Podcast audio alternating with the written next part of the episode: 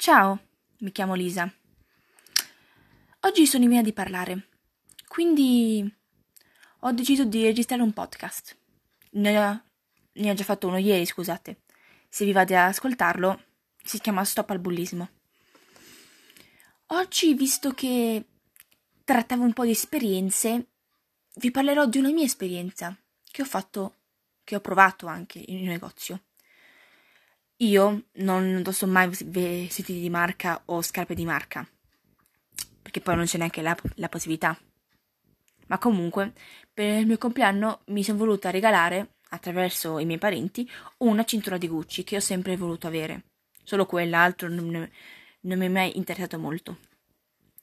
Entro in questo negozio, che è vicino a dove abitavo io, e, mm, con i miei genitori, e faccio mm, alla commessa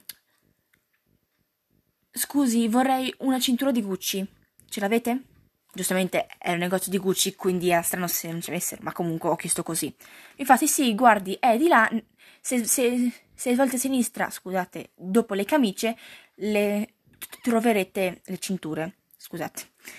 Io vado dalla parte indicata dalla commessa e metto tre cinture, ne scelgo una, nera, la solita cintura classica di Gucci, e vado in, in cassa a pagare.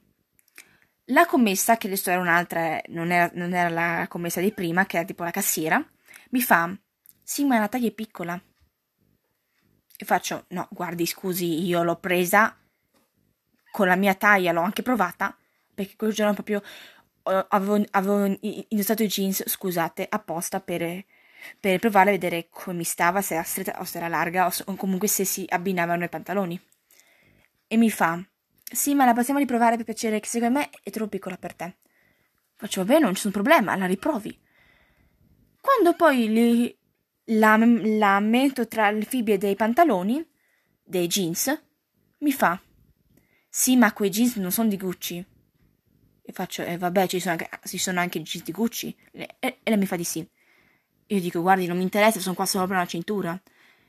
E mi fa, sì, ma se non hai i jeans di Gucci non puoi avere anche la cintura di Gucci. Cosa? Cioè, boh, vabbè. Comunque dico, no, guardi, non mi interessa. La... I jeans di Gucci mi interessa solo la cintura. Sono venuta qui apposta per, per comprare solo quella. Mi dia quella, punto. Mi fa, sì, ma un altro, un altro modello, spero. E io faccio, perché un altro modello? E lei mi fa, perché la taglia è troppo piccola per lei. Io faccio, no, guardi, la taglia è giusta così com'è. Insomma, insisteva, in poche parole mi ha, mi ha, mi ha dato della balena. Io faccio, no, guardi, qua ci vorrebbe la XXXL. Io faccio, cosa, la XXL? Che poi, vabbè, non credo che, non credo che si misurino così le cinture. Comunque mi ha detto che ci voleva quella taglia. Io faccio, guardi, le ripeto che a me serve soltanto la L e basta mi fanno no guardi qua c'è l'XXL se no guardi non la passo in casa che se no è un è un prodotto che le, è un acquisto errato. Cioè questa ragazza in poche parole mi ha, mi ha dato de, della grazia davanti a tutti in pubblico.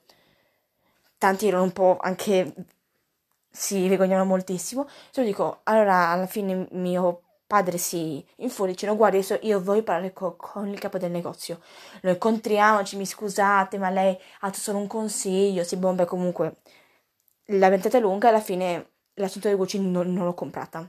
Non perché il tipo non mi ha data, e perché la taglia è sbagliata, ma perché io non ho voluto comprarla perché è esattamente la, le, l'esperienza più brutta della, della, mia vita.